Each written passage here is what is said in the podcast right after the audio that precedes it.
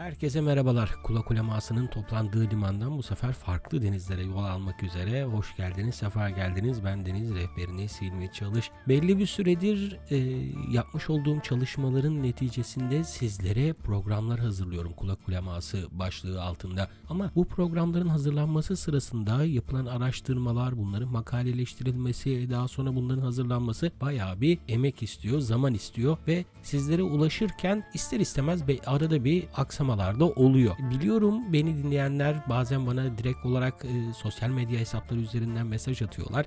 Neden daha sık yayın yapmadığım yönünde. Ben de şöyle bir yöntem bulayım dedim. Hani oldukça ilginç hikayeler buluyorum elime geçen kaynaklardan. Bunları sizlerle dağınık bir şekilde paylaşayım. Çünkü hazırladığım dosyalar belli bir rutin çerçevesinde devam ediyor. Ama burada biraz daha serbest bir şekilde, biraz daha gönlümüze göre veyahut da eskilerin dediği şekilde hücum kayıt yapalım dedik. Ee, bu yeni program tarih dergisi olacak. Tarih dergisi derken günümüzde yayınlanan çeşitli popüler tarih dergilerinden veya akademik dergilerden değil de biraz daha eskiye gideceğiz. Yani tarihin tarih dergilerine bakacağız. Ne demek bu? Bundan birkaç yıl önce gezerken bir sahafta bir lot olarak 1900 50'ler, 60'lar ve 70'lerde yayımlanmış olan tarih dergileri geçti elime ki bunlardan en güzeli de Hayat Tarih Dergisi. Şevket Radon'un Amerika'daki The Life dergisini Türkiye'ye uyarlayarak Hayat Dergisi adıyla yayınlaması ve tabi Aragüler'in muhteşem fotoğraflarıyla beraber Türk dergi tarihine altın harflerle geçmiş bir iş olarak karşımıza çıkıyordu ama Şevket Rado yayıncılığını sadece bununla da kısıtlamamış ve e, bunu tarih boyutuna da taşımış. Tabi oldukça geniş bir çevresi var Şevket Rado'nun. Genelde yayınlanan bu Hayat Tarih dergisinde de oldukça hoş ve pek bilinmeyen hikayeleri bizlere aktarmış. Mesela bu ilk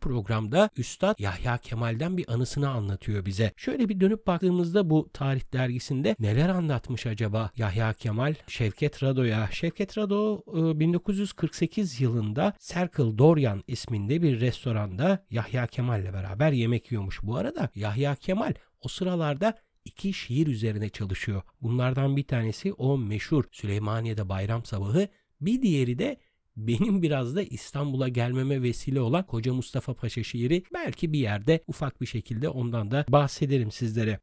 Yahya Kemal İstanbul'dan ayrılmak üzeredir. Kendisine verilen Pakistan Büyükelçiliği görevini yerine getirmek üzere İstanbul'dan henüz ayrılmadan önce biraz da böyle hatır yemeği olsun diye Şevket Rado'yla Circle Dorian denilen günümüzde nerede olduğunu tam olarak bilmediğim restoranda oturup buluşurlar, sohbet ederler. Lafın bir yerinde Şevket Rado Yahya Kemal'in biraz da aşk maceralarını kurcalamak ister. Hiç aşık oldun mu? İşte Paris'teki günlerini sorar. İşte Fransız şairlerinin aşk maceralarından bahseder. Lafı biraz ağzından çıkartmaya çalışır Yahya Kemal'in ve Yahya Kemal de anlatmaya başlar. Bundan sonrasını Yahya Kemal'in ağzından Şevket Rado'dan okuyalım efendim. Şöyle anlatmaya başlıyor Yahya Kemal. 1916'dan 1919'a kadar bir kadına deli gibi aşık oldum. Bu aşk tam 3 sene sürdü. Sonra 3 senede hasretini çektim. Sevgilim evli bir kadındı. Evli bir kadına aşık olmak tam bir beladır. İnsan adeta polis olur. Telefon edeceksin. Acaba kocası evde mi? Sokağa çıkacaksın acaba kimse görür mü? Neyse ki o zaman çarşaf vardı da bu işler biraz daha kolay oluyordu. Bu kadın yazın Büyükada'da otururdu. Ben de oradaydım. Deli divane olmuştum. Sonbaharın yarısında Nişantaşı'ndaki evini tanzim etmek için İstanbul'a giderdi bu kadın. 1916 sonbaharında yine İstanbul'a iniyordu. Ben müthiş muzdariptim. Artık vapur giderken iskeleden mendil sallamalar, ağlamalar hepsini yaptım. O adadayken ada tam bir şenlik yeriydi. Gider gitmez benim için boşalıverdi. Avare dolaşır oldum. Vaat etmişti. İstanbul'dan bana telefon edecekti. Hakikaten de etti. Ben de arada bir onu görmeye İstanbul'a iniyordum. Tam bu sırada Berlin sefiri Hakkı Paşa İstanbul'a gelecek lafı çıktı. Hakkı Paşa zendost bir adamdı. İstanbul'a geldiği zaman suareler tertip eder, güzel kadınları toplardı. Benim sevgilim de uzaktan Hakkı Paşa'nın akrabası oluyordu. Paşa İstanbul'a gelince yine suareler yapacak, eğlenceler tertip edecek. Benimki de oraya gidecek diye içim burkuluyordu. Hatta kendisine bu endişemi açtım. Suarelere çağrılsa bile gitmeyeceği sözünü aldım ondan. Bir akşam adada Maruf Otel'in önünde yanındaki iki kişinin Hakkı Paşa'dan bahsettiklerini işittim. İstanbul'a gelmiş bu akşam suare veriyor. İstanbul'un bütün güzel kadınları davetli diyorlardı. Sevgilim de İstanbul'un güzel kadınlarından biriydi. Müthiş bir ızdırapla yerimden kalktım. İskeleye doğru gittim. Son vapur çoktan kalkmıştı. Sert bir lodos esiyordu. Deniz karma karışıktı.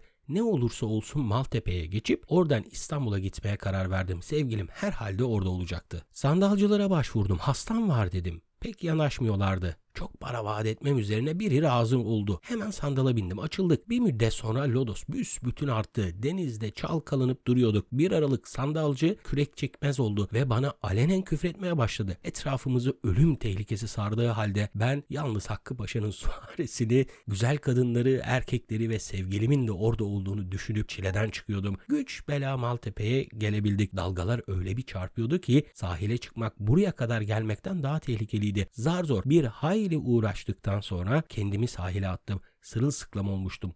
Hemen Maltepe'deki kahvehanelere uğradım. Bir araba istedim. Yok yok öyle olmadı. Bostancı'ya kadar yaya gitmeye karar verdim. Tren yoluna çıkarak koşmaya başladım. Maltepe ile Bostancı arasındaki mesafenin ne kadar uzun olduğunu o zaman fark etmiştim. Bu arada küçük bir parantez. Yahya Kemal'in e, görselini bilenler bana hak verecektir veya bilmeyenler de bu programı dinlerken bir yerlerden hemen bakabilirler. Oldukça yapılı ve biraz da etine dolgun. Hadi etine dolgunu geçelim de baya baya şişman bir adam gözümün önünde Maltepe ile Bostancı arasında yağmurlu bir havada koşturan Yahya Kemal'i gözümün önüne getirdik sıra gülmemek için kendimi zor tutuyorum. Neyse biz Yahya Kemal'in anısını dinlemeye devam edelim. Kanter içinde Bostancı'ya geldim. Vakit hayli geçti. Karakola gittim. Bana bir araba bulunuz. Hastam var dedim. Aradılar, taradılar, birini buldular. Yine bir sürü para verdim. Arabayla yola koyuldum. Oradan Kadıköy, Kadıköy'den Üsküdar, karşıya geçtim. Doğru Nişantaşı. Sevgilimin oturduğu apartmanın kapıcısı ahbabımdı. Penceresini vurarak onu uyandırdım. Benimki evde mi diye sordum. Adam halime bakıp şaşırdı. Evde bu akşam çıkmadı dedi. Ne diyorsun diye bağırmışım.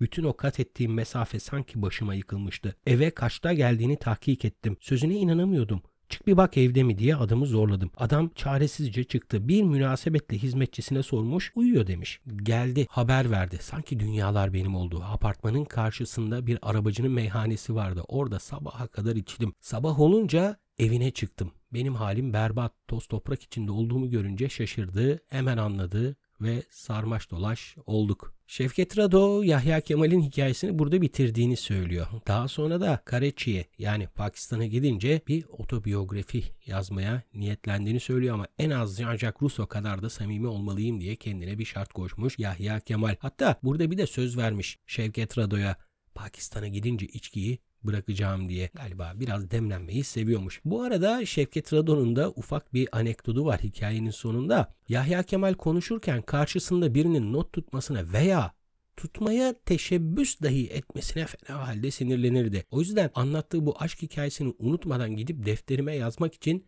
can attım diyor Şevket Rado. Kendisini bir şekilde yolcu ettikten sonra hemen ofisine gelmiş ve unutmadan sıcağı sıcağına bu hikayeyi kaleme almış Şevket Rado.